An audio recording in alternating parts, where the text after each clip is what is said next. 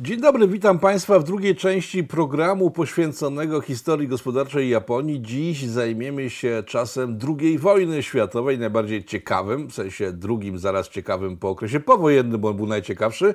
E, ekspertem, którego ponownie zaprosiliśmy do studia jest pan Mariusz Dąbrowski, doktor Uniwersytetu Białostockiego. Witam serdecznie Mariuszu. Cześć, miło być Cześć. tu ponownie i wzajemnie. E, skończyliśmy w, w, poprzednią część, która znajduje się w opisie tego filmu pod numerami kont, gdzie możecie wpłacać pieniądze, jeśli uważacie, że nasza robota jest dobra. Tam jest link do pierwszej części. Tą pierwszą część skończyliśmy w chwili rozpoczęcia II wojny światowej. E, kiedy rozpoczęła się druga wojna światowa na Pacyfiku? Bo chyba nie 1 września.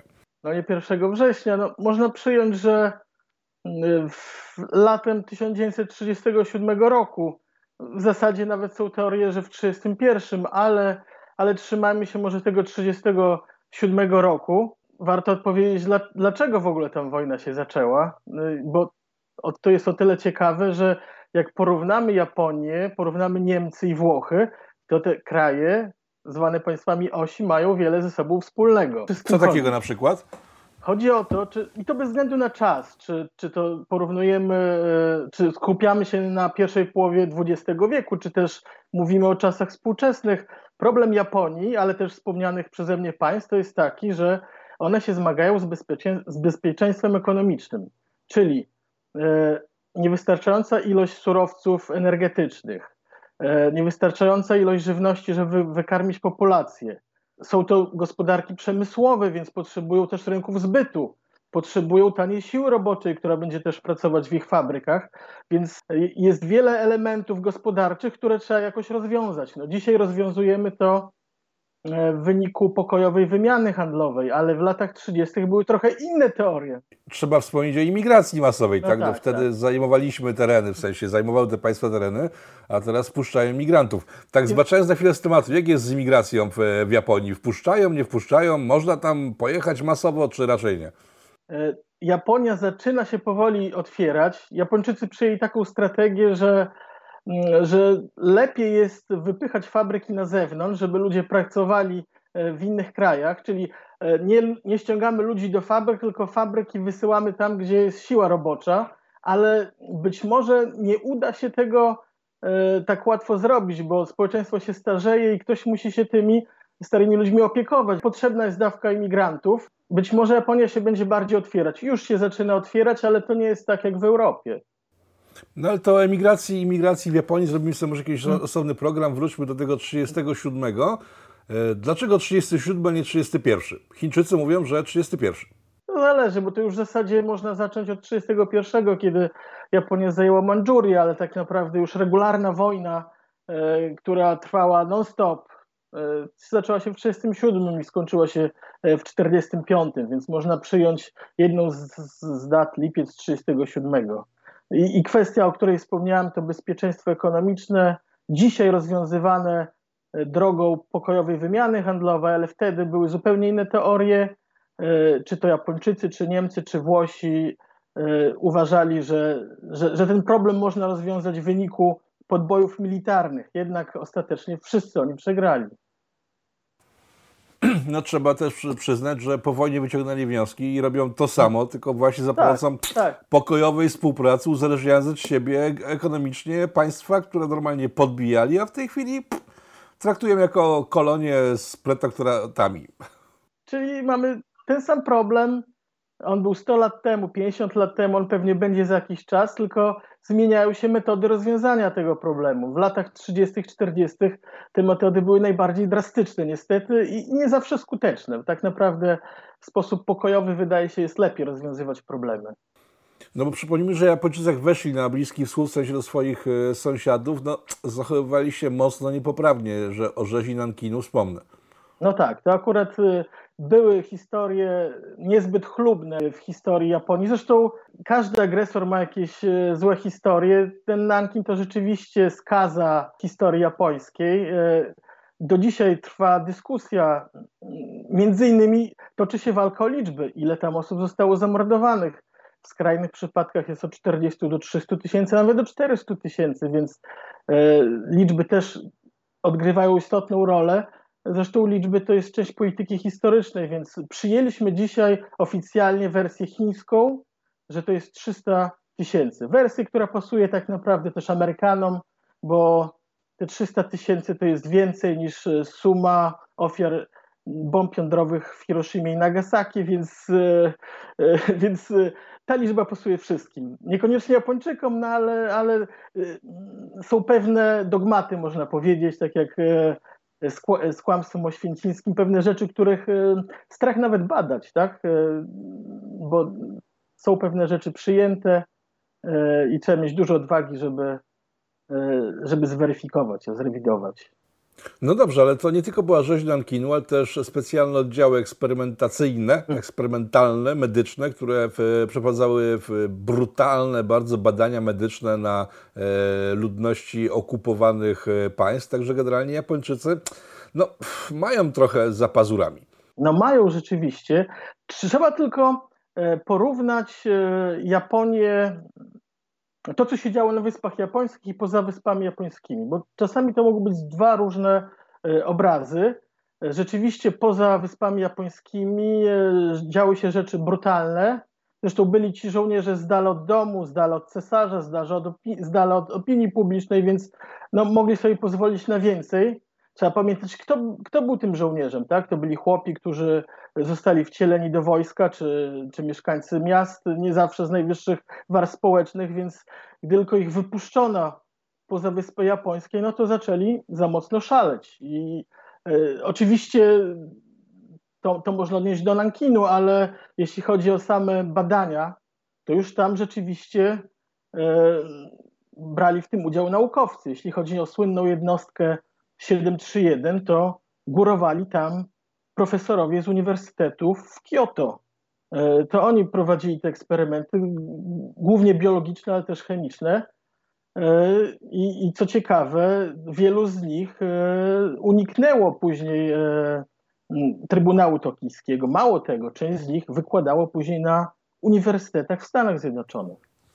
Tutaj jak część naukowców niemieckich, którzy zostali przetransportowani do Stanów i tam odnosili ogromne sukcesy, czego efektem zdaje się była też Hiroshima. Hmm. No i, i tutaj też warto wspomnieć o jednej rzeczy, że naukowcy e, czy, czy władze jednostki 731 dogadały się z generałem MacArthurem, mieli widocznie cenne badania. Amerykanie nie mogliby tego przeprowadzić u siebie, zresztą żaden demokratyczny kraj nie byłby w stanie tego przeprowadzić. Zresztą w samej Japonii nie, nie dałoby się pewnie tego przeprowadzić, a w Madżuri dało się to przeprowadzić, więc e, był układ, że, że chronimy was, ale wydajecie nam e, wyniki badań. Mało tego, z czasem wyszło, że nawet prowadzono badania na niektórych aliantach. Zdarzali się tam nie tylko Chińczycy, ale i, i przedstawiciele państw e, zachodnich. E, ale mimo wszystko MacArthur postanowił chronić. E, widocznie te badania były na tyle cenne, że, że, że trzeba było poświęcić kilka osób. No dobrze, ale wspomniałeś o tym, że lekarze to oczywiście badania naukowe, ci żołnierze to no, rozpuszczeni, no ale jest taka historia podnoszona w, na łamach książek, które są e, związane z naszym tematem, e, że dwóch oficerów w jednym z obozów jenieckich założyło się o to, kto zetnie więcej głów A, to... za pomocą swojej katany. I to było e, w Tokio w gazetach transmitowane w pewien sposób. Więc no, Akurat nie słyszałem o tym, żeby to było w Tokio transmitowane. Być, będę musiał to jeszcze zbadać. W prasie tokijskiej oczywiście, nie było wtedy telewizji. E, bo nie zawsze opinia publiczna w Japonii dowiadywała się o tym, co się działo naprawdę poza Japonią. E, często ukrywano te brutalne fakty.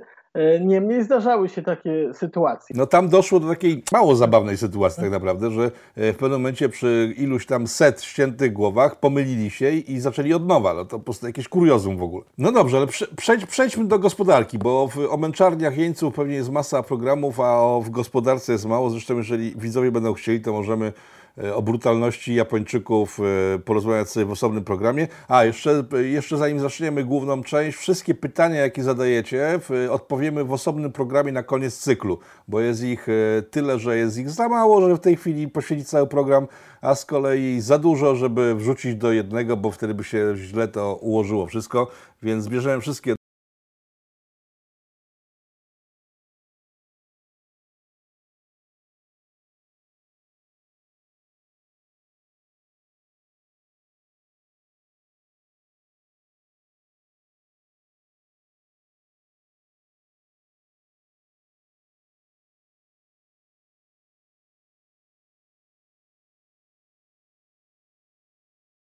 Znaczy, jeśli porównamy gospodarkę japońską do gospodarek zachodnich, e, biorąc na przykład taki wskaźnik jak PKB per capita według parytetu siły nabywczej, to Japonia była generalnie biedniejsza od krajów zachodnich, tylko że tam było dużo ludzi. Tak?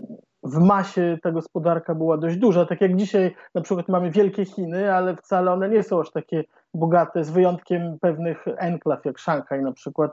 Według parytetu siły nabywczej Chiny są wciąż biedne, więc czy Japończycy byli biedniejsi niż Niemcy, biedniejsi niż Włosi, Brytyjczycy, ale cała gospodarka była całkiem spora i, i potrzebowała nowej przestrzeni wedle, wedle tamtych teorii z lat 30., żeby się rozwijać, więc zajęto Mandżurię, później próbowano podbijać e, kolejne terytoria, aż w pewnym momencie Amerykanie powiedzieli stop i nałożyli sankcje. E, to był lipiec 1941 roku, zamrożono aktywa finansowe, e, nałożono embargo na dostawy ropy naftowej, żelaza, więc surowców strategicznych. Takim przełomowym momentem, kiedy Amerykanie zdecydowali się na sankcje wobec Japonii, to było wówczas, kiedy Japończycy chcieli zniszczyć e, drogę birmańską, e, drogę, którą szło zaopatrzenie alianckie dla e, nacjonalistów chińskich od strony Oceanu Indyjskiego.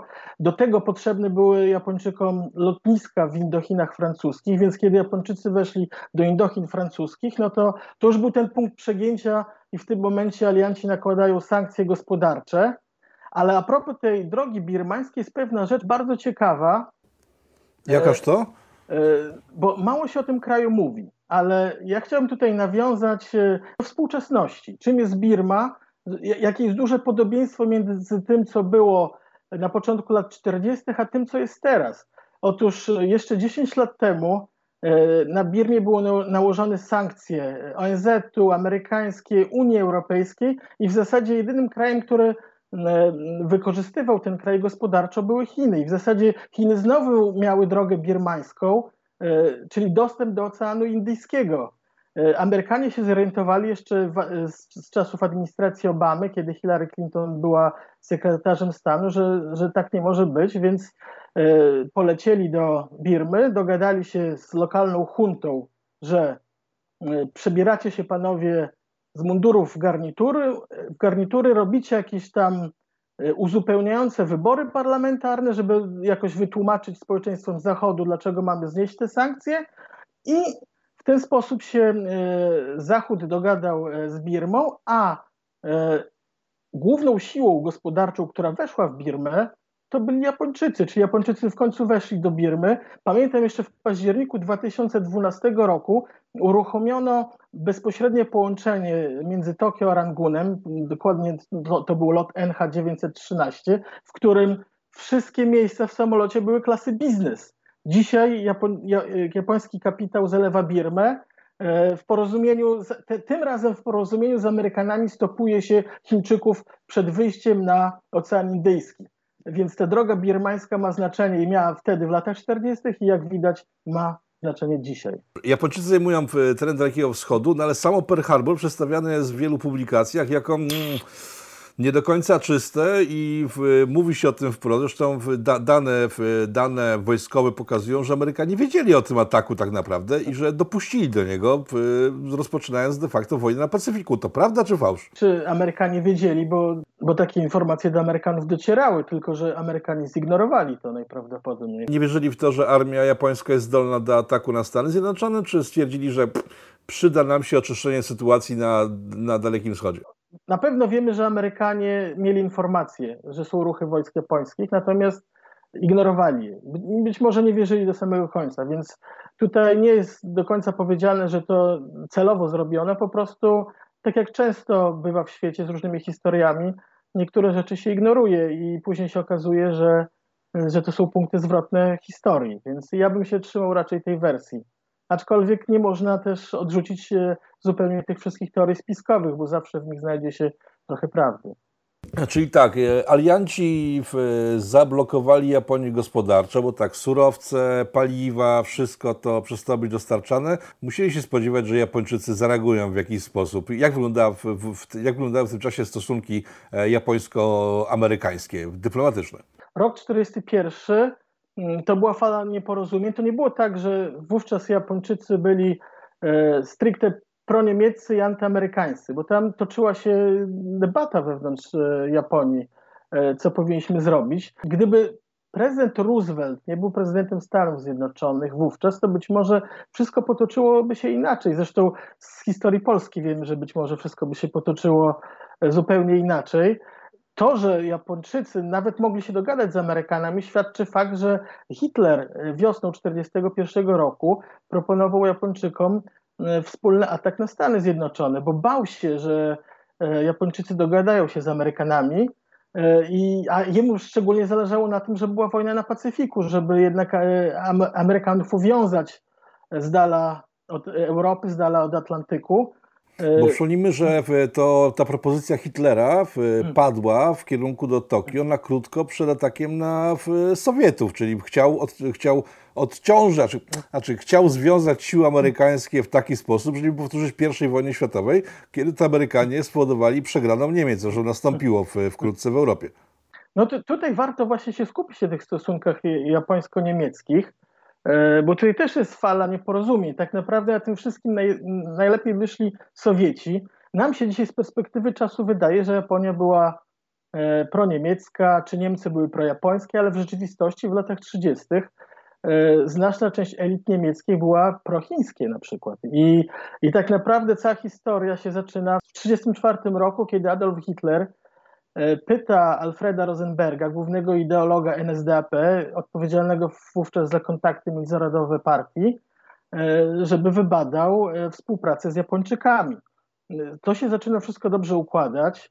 W 1936 zostaje podpisany pakt antykominternowski skierowany przeciwko Sowietom ale nagle wszystko zaczyna się w pewnym momencie walić. E, na pograniczu mandżursko-mongolskim trwają walki sowiecko-japońskie. E, w międzyczasie e, mamy pakt Ribbentrop-Mołotow, który dla, który dla Japończyków jest to zdrada wręcz. Byli bardzo wściekli. I co się dzieje dalej? Sowieci wygra, wygrywają walki na, na pograniczu mandżursko-mongolskim. 15, I tu są ważne daty teraz. 15 września e, zostaje podpisany rozejm sowiecko-japoński.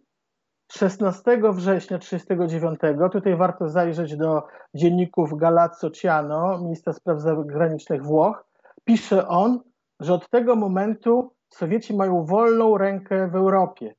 I później mamy 17 września 1939, już z historii Polski wiemy, co dalej się działo. Ale dalej e, były nieporozumienia, był duży niesmak po tym pakcie Ribbentrop-Mołotow i przenosimy się do roku 1941, do czerwca, operacja Barbarossa.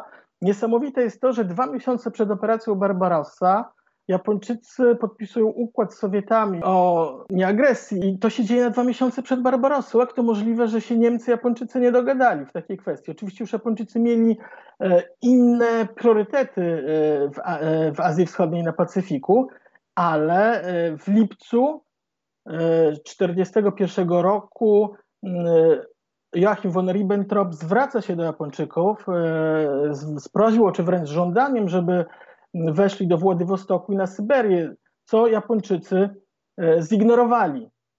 Więc tak naprawdę te stosunki japońsko-niemieckie źle się układały, a w pierwszej połowie lat 30. znaczna część elit niemieckich była prochińska. No więc właśnie, przecież Niemcy wysyłali swoje, swoich doradców wojskowych do Chin w tym czasie, tak? Tak, tak. Więc więc wiele kręgów e, wojskowych, dyplomatycznych, przemysłowych nie było zadowolonych ze zbliżenia e, niemiecko-japońskiego, bo się bali, że to będzie skutkować negatywnie na stosunki z Chinami, gdzie mieli swoje interesy. No ale gdy wybuchła już regularna wojna w 1937, to trzeba było się określić po której ze strony i e, określono się po stronie Japonii. Więc... Znaczy, pakt japońsko-sowiecki jest wyjaśnialny, jeżeli się bierze pod uwagę Suworowa i jego informacje mm. mówiące o tym, że to nie tak, że Hitler napadł na Sowietów, tylko Hitler kontruderzenie w, w spowodował, bo Sowieci byli gotowi do wojny z Niemcami, więc to jest wytłumaczalne i to się układa w całość, bo Sowieci wiedząc, że będą zaraz mieli wojnę w Europie, muszą zająć całą Europę, e, dogadali się z Japończykami, żeby ci im nie bruździli za plecami i to by się kleiło w całość chyba. No tak, no tam, tam jest e, ta układanka podczas II wojny światowej jest tak niesamowita, tyle zwrotów akcji, że, że to mogło się różnie potoczyć. Gdyby się Niemcy, Japonia lepiej dogadały wcześniej, no to myślę, że nie było problemu, żeby zniszczyć Sowiety. Już Niemcy były blisko Moskwy, a gdyby jeszcze do tego doszła Japonia, ale tak naprawdę wygranym tego wszystkiego był Stalin. To Sowieci wygrali na e, prawdopodobnie nieszczęście Polski. No na wszystkich frontach wygrali na tak naprawdę. Na wszystkich frontach wygrali, tak. No dobrze, współpraca chińsko-niemiecka, rozumiem, kończy się w chwili, kiedy zaczyna się Pearl Harbor, ale tu jest y, następne znaczy chyba ona pytanie. Trwa, ona cały czas trwa tak naprawdę. Nie kończy się tylko, że wtedy już były inne priorytety. Japonia już miała, musiała walczyć na Pacyfiku tak naprawdę, e, więc ta współpraca trwała, tylko że każdy miał już własne priorytety. No dobrze, dlaczego Japończycy nie poszli na, na, na, na propozycję Hitlera, żeby uderzyć razem na USA? Niemcy mieli w ogóle możliwości zaatakowania USA? To jest podstawowe pytanie. Znaczy Niemcy pewnie chcieli sprowokować. Niemcy robili wszystko, żeby sprowokować Japończyków do tego, żeby Japonia jednak walczyła ze Stanami Zjednoczonymi, bo to y, odciążało Niemcy w Europie i na Atlantyku. Nieszczęście może Japonii polega na tym, że, że przed Pearl Harbor e, Niemcy odnosili duże sukcesy w Europie. Już też zbliżali się do Moskwy, więc jak Japończycy widzieli, że Niemcom idzie tak dobrze, no to mm, myśleli, że im też pójdzie tak dobrze. I w momencie, kiedy zaatakowali Pearl Harbor, to ta machina niemiecka zaczęła się załamywać. W zasadzie nie cały rok później, bo już e, w 1942 w czerwcu bitwa od Midway e, spowodowała, że inicjatywę strategiczną zaczęli przejmować Amerykanie, więc e, później mieliśmy Guadalcanal, e, brutalne walki, gdzie to była pierwsza poważna ofensywa lądowa aliantów, też wygrana. I od tego momentu już się zaczyna pochód na Wyspy Japońskie. No dobrze, ale w, przeszliśmy dość mocno do w, kwestii polityczno-historycznych, e, w, które są interesujące i są dobrym uzupełnieniem naszego głównego tematu, ale głównym tematem jest gospodarka. E, czy ekspansja japońska, brutalna, militarna, nie taka jak dziś w wykonaniu Unii Europejskiej na tereny wschodniej Europy, e, przyniosła skutki, które, których oczekiwali Japończycy? Czy faktycznie ich gospodarka ruszyła do przodu po, po, tych, po tych aneksjach? Gdyby Japonia wygrała, to być może przyniosłoby to jakieś skutki, bo wtedy zajęte zostałyby holenderskie Indie, Indie Wschodnie, czyli dzisiejsza Indonezja, więc byłby łatwy dostęp do ropy naftowej, ale tak naprawdę z roku na rok sytuacja w Japonii zaczęła się pogarszać. Brakowało coraz bardziej surowców, trzeba było coraz bardziej oszczędzać na, na żywności, więc e, sytuacja w trakcie wojny wcale się nie poprawiła. Ona mogłaby się poprawić po wojnie, ale e, no, trzeba było tę wojnę wygrać, której Japończycy niestety nie wygrali. Niestety no, z punktu widzenia Japonii. Mhm. Wróćmy na chwilę do, do, do, tych, do tych ich postaw, bo wiem, że w Fukushimie, gdzie mm. masz dom. Mm. E, znaczy miałem, bo po... tsunami zmyło. A, dobra, miałeś dom. w 2011, jak będziemy mówić o Fukushimie, pewnie o, możemy e, rozmawiać o elektrowni jądrowej też, bo ten dom się znajdował 30 kilometrów na północ od elektrowni jądrowej. Ja tu elektrownię dobrze pamiętam i przed katastrofą, widziałem ją po katastrofie, więc będziemy o tym jeszcze rozmawiać, no ale niestety 11 marca no dobrze. E, dom dobrze. tsunami zmyło, tak? Okej, okay, rozumiem. Czyli w Fukushimie masz teraz tylko parcelę. E, przy, okazji, przy okazji awarii właśnie, o której wspomniałeś, elektrowni atomowej, e, odkryłeś, e, że istniał tam obóz jeniecki i dość ciekawe informacje w no związku tak, z tym tak.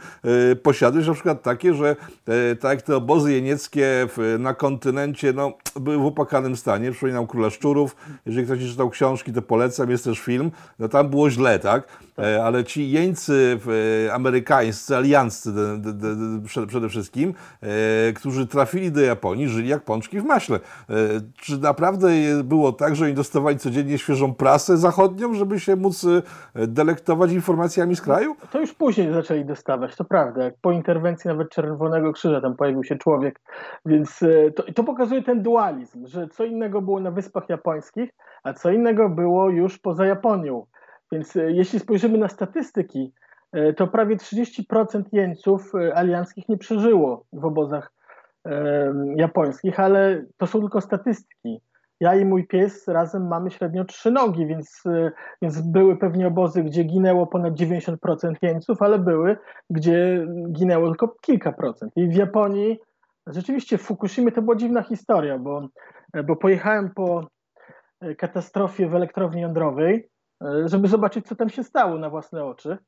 I e, będąc w stolicy prefektury w mieście Fukushima, po tygodniu z żoną zobaczyliśmy białą kobietę. To była pierwsza biała od tygodnia, e, bo większość białych po katastrofie w elektrowni jądrowej uciekła stamtąd. Okazało się, że to była e, zakonnica kanadyjska z kongregacji Notre Dame w Fukushimie, która przyjechała do mm, Japonii na przełomie lat 50., 60. i cały czas tam była i w zasadzie zna całą historię Japonii. I co ciekawe, mm, klasztor, który tam się znajdował, służył jako obóz e, dla jeńców e, alianckich w latach 42-45. Podczas trzęsienia ziemi w 2011 ten klasztor został na tyle uszkodzony, że, że trwała też w Japonii debata, co z nim zrobić. Czy go zburzyć, czy odbudować, bo to był jednak zabytek. E, ale ostatecznie władze japońskie zdecydowały, że zburzą ten klasztor i, i od razu historia tego obozu niemieckiego też zniknie. Choć to nie była aż taka zła historia w porównaniu do tego, co się działo na kontynencie e, chińskim, na przykład w Chinach.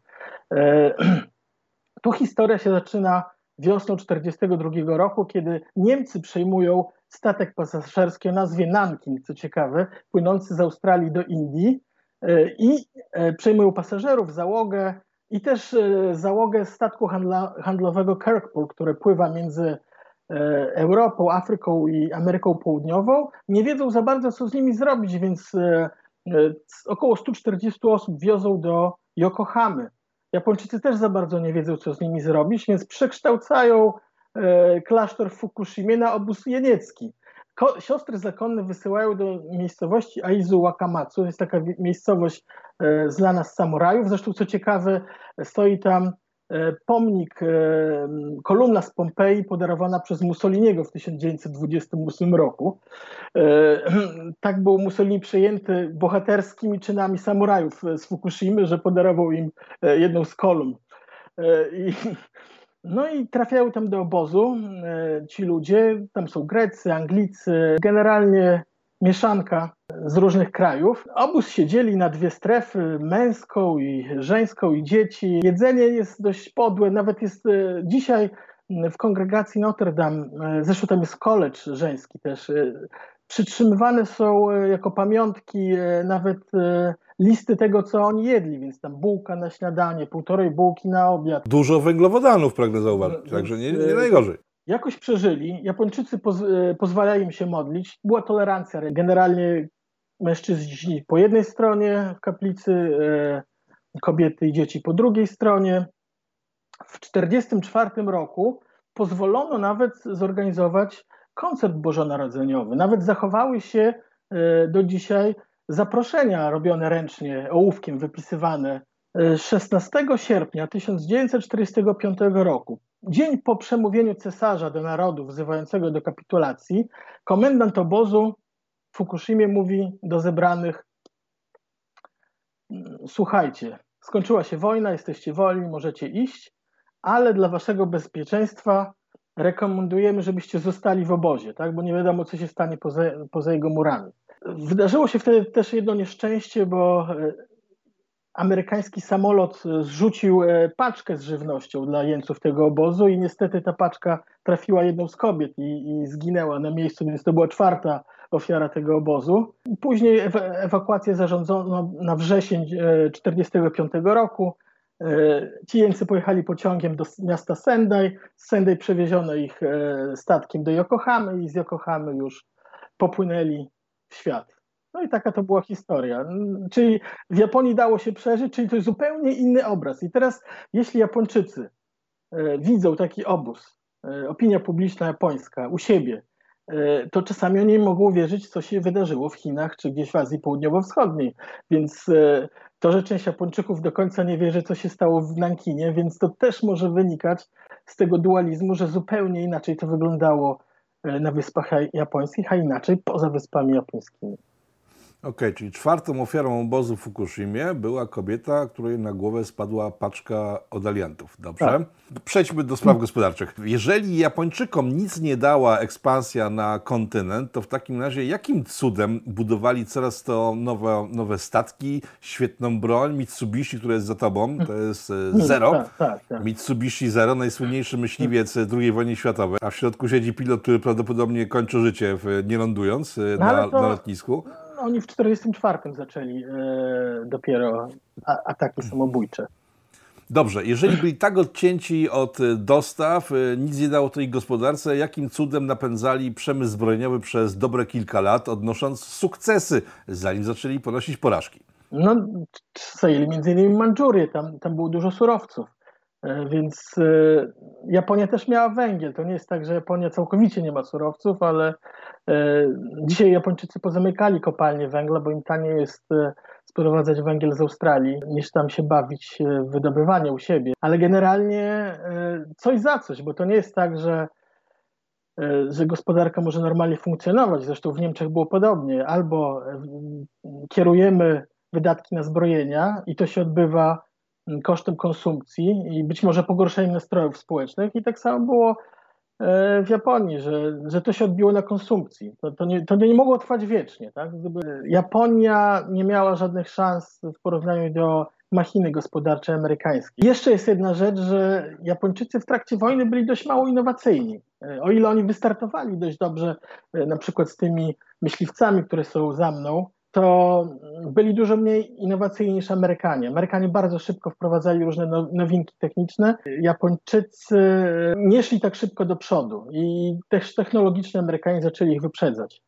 Więc i kwestia zarządzania też. E, Amerykanie, to, to, o tym się rzadko mówi, ale Amery, amerykańska machina była tak potężna między innymi dlatego, że wdrażano tam odpowiednie techniki zarządzania, które Japończycy zaczęli naśladować w latach 50., dzięki czemu Japonia stała się potęgą gospodarczą, czyli potrzebne były do tego i zasoby ludzkie, surowce, ale też odpowiednie techniki zarządzania. W tym Amerykanie byli najlepsi na świecie. E, wspomniałeś o Mussolini i kolumnie z Pompeji. Oprócz dość dobrze znanych stosunków e, z Niemcami, stosunki z Włochami są, e, myślę, że pomijane często. Jak wyglądała współpraca Włoch, faszystowskich Włoch z Japonią okresu II wojny światowej i przed II wojną światową? W zasadzie te kraje aż tak bardzo siebie nawzajem może nie potrzebowały. I tutaj też się pojawił ten problem. Pewne koła we Włoszech były zainteresowane współpracą z Chinami, ale, ale gdy ministrem spraw zagranicznych był Galazzo Ciano, zięć Mussoliniego, on był bardzo... Wielki przyjaciel Polski zresztą. Wielki przyjaciel Polski. Zresztą Ciano był też e, na placówce dyplomatycznej w Szanghaju przed wojną, więc e, on Chiny znał, ale mimo to e, w Japonii chyba też nawet był. E, ale mimo wszystko postawił na, na Japonię, a gdy rozpoczynała się II wojna światowa, co można wyczytać w dziennikach Ciano, to Mussolini stał się wręcz wielkim fanem Japonii. Był zakochany w Japonii, więc e, e, to się tak złożyło zarówno we Włoszech, jak i w Niemczech, że elity, można powiedzieć, uwielbiały Japonię, natomiast na niższym poziomie to mogło być różnie.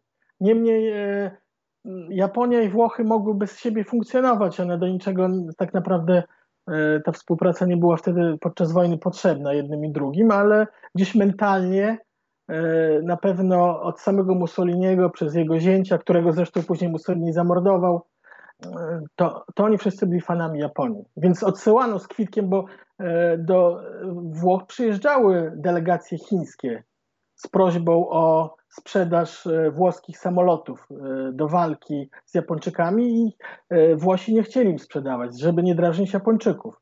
Postawili po prostu na Japonię. Rozumiem. Przypomnijmy, że to nie były dzisiejsze Chiny, tylko to były Chiny mocno skierowane w kierunku zachodnim. I tu taka mało chyba znana też historia, że Chiny zostały zdradzone razem z Polską w jednym dokumencie, e, w Jałcie dokładnie, kiedy to zostało oddane w strefę wpływów sowieckich. Wtedy Chiang Kai-shek stracił wszelkie oparcie zachodnie i w chwili, kiedy miał już mało na takim małym bardzo terenie, wystarczyło jedno uderzenie, żeby zniszczyć armię komunistyczną, e, zaplecze jego, jak się okazało później wypełnione agenturą amerykańską, spowodowało, że przegrał wojnę w całych Chinach. No, ale, to jest... ale to jest bardzo ważne. Może, może do, powiedzmy troszeczkę o tym, bo zanim jeszcze zdradzono Chiang Kai-sheka, to już jak gdyby w mediach amerykańskich źle o nim zaczęto pisać.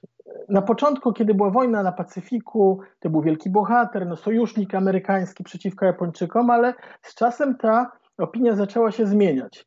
E, jednym z takich liderów e, tej zmiany opinii to był e, The New York Times, który pisał o złym nacjonaliście Chiang Kai-sheku i, o, i pisał dobrze o komunistach Mao Tse-tunga, bardzo postępowych, że to jest przyszłość Chin, więc opinia publiczna gdyby zaczę, zaczęła być urabiana przez media, a w tym czasie komuniści przecież, czego oczywiście nikt się w Chinach nie dowie, bo, no bo wiadomo, mm, tak jak my w PRL-u też wszystkiego nie mogliśmy się uczyć w szkołach, no to Chińczycy generalnie, znaczy komuniści niespecjalnie walczyli w tej wojnie. Tak naprawdę e, Japonia była ich e, sojusznikiem, bo Japończycy walczyli e, z wojskami Chiang Kai-sheka, więc jak wojska Chiang Kai-sheka się wykrwawiły w walkach z Japończykami, a jeszcze opinia publiczna z New York Timesem na czele zaczęła urabiać, że to są źli nacjonaliści i lepiej postawić na postępowych komunistów, no to ostatecznie mm, z tej konfrontacji zwycięsko wyszedł Mao Tse-tung. Podobna jest taka historia w latach 70., e, kiedy premier Tanaka e, z Japonii poleciał do Pekinu i chciał nawet złożyć przeprosiny za to, co się stało, więc Mao Tse-tung w swoim typowym dla siebie poczuciu humoru powiedział, że, że, że nie ma za co przepraszać, bo to dzięki wam jesteśmy dzisiaj u władzy.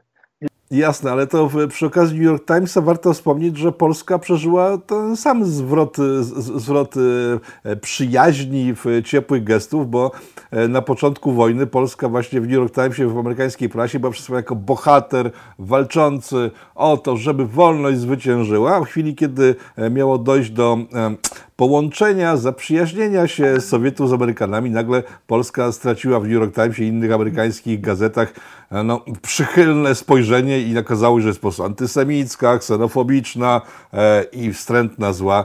I tak samo się dla nas to skończyło jak dla Chińczyków. Dobrze, czyli rozumiem, że okres wojenny, jeśli chodzi o gospodarkę, jest, jest taki no, mało, no nawet nie to, mało interesujący, tylko nic się dużego nie działo. E, to przejdźmy do końca tej historii, żeby móc e, skierować e, naszych widzów do kolejnego odcinka.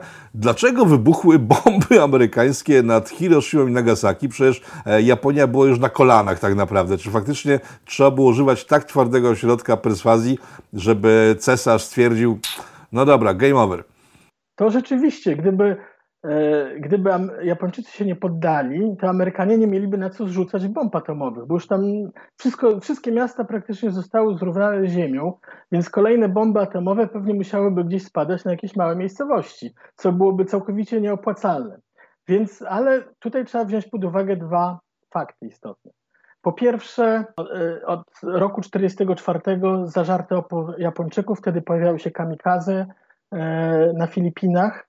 E, zresztą jeden z pomników bohaterów, nie wiem czy nawet nie jeden, może nawet więcej, jest w miejscowości Fukushimie, do której jeżdżę w Minami Soma, bo tam był obóz szkoleniowy dla pilotów, więc stoi tam pomnik bohatera do dzisiaj, który poświęcił w pierwszym ataku życie za ojczyznę. Później mieliśmy obronę Iwo Jimy, bardzo zażartą. Tam pamiętamy słynny sztan, najsłynniejsze zdjęcie wojny na Pacyfiku, które zostało zrobione na Iwo. Później Okinawa, znowu to samo, za, zażarty opór. I tam też jest ciekawe zdjęcie, które się do dzisiaj nie zachowało, aczkolwiek w internecie krąży wiele fejków to było zdjęcie z flagą konfederatów. Amerykanie, którzy zajęli Cytadelę Shuri, nie mieli flagi amerykańskiej, e, mieli flagę konfederatów i, i ona jako pierwsza zawisła.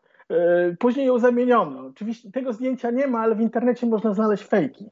E, no i, i, i, to spowodowało, że, że ci Japończycy będą zażarcie się bronić na Wyspach Japońskich, więc może lepiej. A Amerykanie ponosili coraz większe straty, mimo ale, że posuwali się do przodu. Tak? Ale jeszcze jest czynnik rosyjski ważny. Trzeba było pokazać też Rosji, czy, jaką siłą dysponujemy. Trzeba pamiętać, że trzy miesiące po zakończeniu wojny w Europie, tak, tak, takie były ustalenia w Jałcie, Armia Czerwona rusza w kierunku Japonii. I czasu było mało bo trzy miesiące, czyli e, od maja, czerwiec, lipiec, sierpień, czyli sierpień też bomby atomowe, więc jedni i drudzy się spieszyli bardzo. E, Sowieci byli bardzo chętni, żeby zająć Hokkaido, wyspę. Być może los e, Japonii byłby taki jak e, Niemiec wschodnich i zachodnich, czyli podział Niemiec. Tu być może bomba atomowa uratowała Japończyków w tym sensie, że że nie dokonano podziału na strefę sowiecką i amerykańską, bo Amerykanie powiedzieli, że panowie, my mamy tutaj broń atomową, a wy chcecie się dzielić, e, a wy chcecie Hokkaido, tak? Nic z tego, tak? Truman powiedział, że nic z tego i, i, i odepchnął Sowietów. E, pytanie też, dlaczego tak bardzo Japończycy zawzięcie nie chcieli się poddać, kiedy już spadła pierwsza bomba na Hiroshima, później na Nagasaki. Tutaj też jest kwestia deklaracji poczdamskiej, w której się nie pojawia monarchia japońska. Więc tak naprawdę tutaj nie chodziło już o, o życie przeciętnych Japończyków, tylko o, o to, jak będzie wyglądał przetrwanie monarchii japońskiej. Tak? Z tego, co mi wiadomo, bo w pierwszej wersji naszkicowanej, która nie została ostatecznie ogłoszona, znajdował się zapis dotyczący monarchii, ale później został wykreślony. Udane próby jądrowe w Stanach Zjednoczonych, e, tutaj już Truman miał też większą pewność siebie, a z drugiej strony też nie był pewny, jak zareaguje opinia publiczna, która mogła być niezadowolona z tego, że tak naprawdę zostawiamy agresora w takim kształcie, jak był. Więc tak naprawdę mm, tutaj chodziło przede wszystkim o zachowanie monarchii. I Japończycy ostatecznie no, musieli się zdać na Amerykanów, bo gdyby weszli Sowieci, no to oni by monarchii na pewno nie zachowali. Sowieci zajęli Kuryle, to jest wszystko, tak. co, co udało im się zdobyć na tamtym terenie i do dzisiaj trwa spór między Japonią a z, dzisiaj już Rosją postsowiecką o Kuryle. E, dobrze, pytanie jest, e, jak to się zaczęło, w sensie w okupacji amerykańska? Czy Amerykanie weszli z buta, tak jak lubią dzisiaj to robić i zarządzili własne porządki? Czy ta administracja japońska przyjęła ich i wprowadziła na, na przestrzeń japońską, wyjaśniając jak funkcjonuje system? Bo to, co się wydarzyło później wskazywało bardziej na ten drugi scenariusz. Tak, tak, Japończycy się przygotowali, czyli mamy 15 sierpnia cesarz wzywa do kapitulacji, aczkolwiek jeszcze nie wszyscy kapitulują. E, formalna kapitulacja miała miejsce 2 e, września na pancerniku Missouri. Na przykład do 2 września jeszcze walczył na Filipinach generał Yamashita. E, ale generalnie już na Wyspach Japońskich jest spokojnie. Japończycy się przygotowują do przyjęcia Amerykanów. E, wiedzieli, że jak wejdą wojska, to będą gwałcić kobiety. E, Japończycy nawet opracowali swój własny system w Azji, system burdeli, więc wiedzieli, czym to się. Znaczy, mieli własne doświadczenia, wiedzieli, e, co się dzieje, gdy wchodzi armia na inne ziemie, więc wiedzieli, co może się stać na Wyspach Japońskich. Więc na 9 dni przed przybyciem wojsk amerykańskich, a wojska amerykańskie przybyły 30 sierpnia 1945 roku, na 9 dni utworzono Towarzystwo Rekreacji i Rozrywki, czyli instytucję, która miała zarządzać burdelami dla żołnierzy alianckich. E, tam ważną rolę chyba odgrywała nawet e, żona dowódcy jednostki 731. Ona była jedną z organizatorek nawet, e, więc... Tej, tej jednostki, no która wcześniej torturowała tak, tak. aliantów, tak? Tak, tak, więc oni się już do, dobrze przygotowywali na to, żeby, żeby przyjąć Amerykanów i w zasadzie Y, oczywiście były też gwałty, i amerykańskie, australijskie, ale Japończycy chcieli to kontrolować, więc, y, y, więc generalnie ta okupacja była dość płynna. Nie było jakiegoś tam szaleństwa. Nawet Amerykan... Japończycy dobrze przyjęli Amerykanów. Cesarz wezwał, żeby przyjąć ich odpowiednio. Wojna nie potoczyła się tak, jak miała się potoczyć, jak to powiedział w odezwie radiowej i, i trzeba budować teraz gospodarkę. I, i, I po wojnie Japończycy zaczęli odbudowywać, żeby stać się wielką potęgą gospodarczą. Ale o tym porozmawiałem w kolejnym odcinku. Dziękuję Państwu, dziękuję bardzo Mariuszu. Dziękuję do zobaczenia. Do zobaczenia. Do zobaczenia w kolejnej części spotkania z Japonią. Kiedy skończymy Japonię, poskaczemy niczym e, wojska amerykańskie żabim skokiem po innych rejonach e, Azji, dalekiej Azji. Do zobaczenia. Jeszcze raz dziękuję, Mariuszu. Dziękuję bardzo.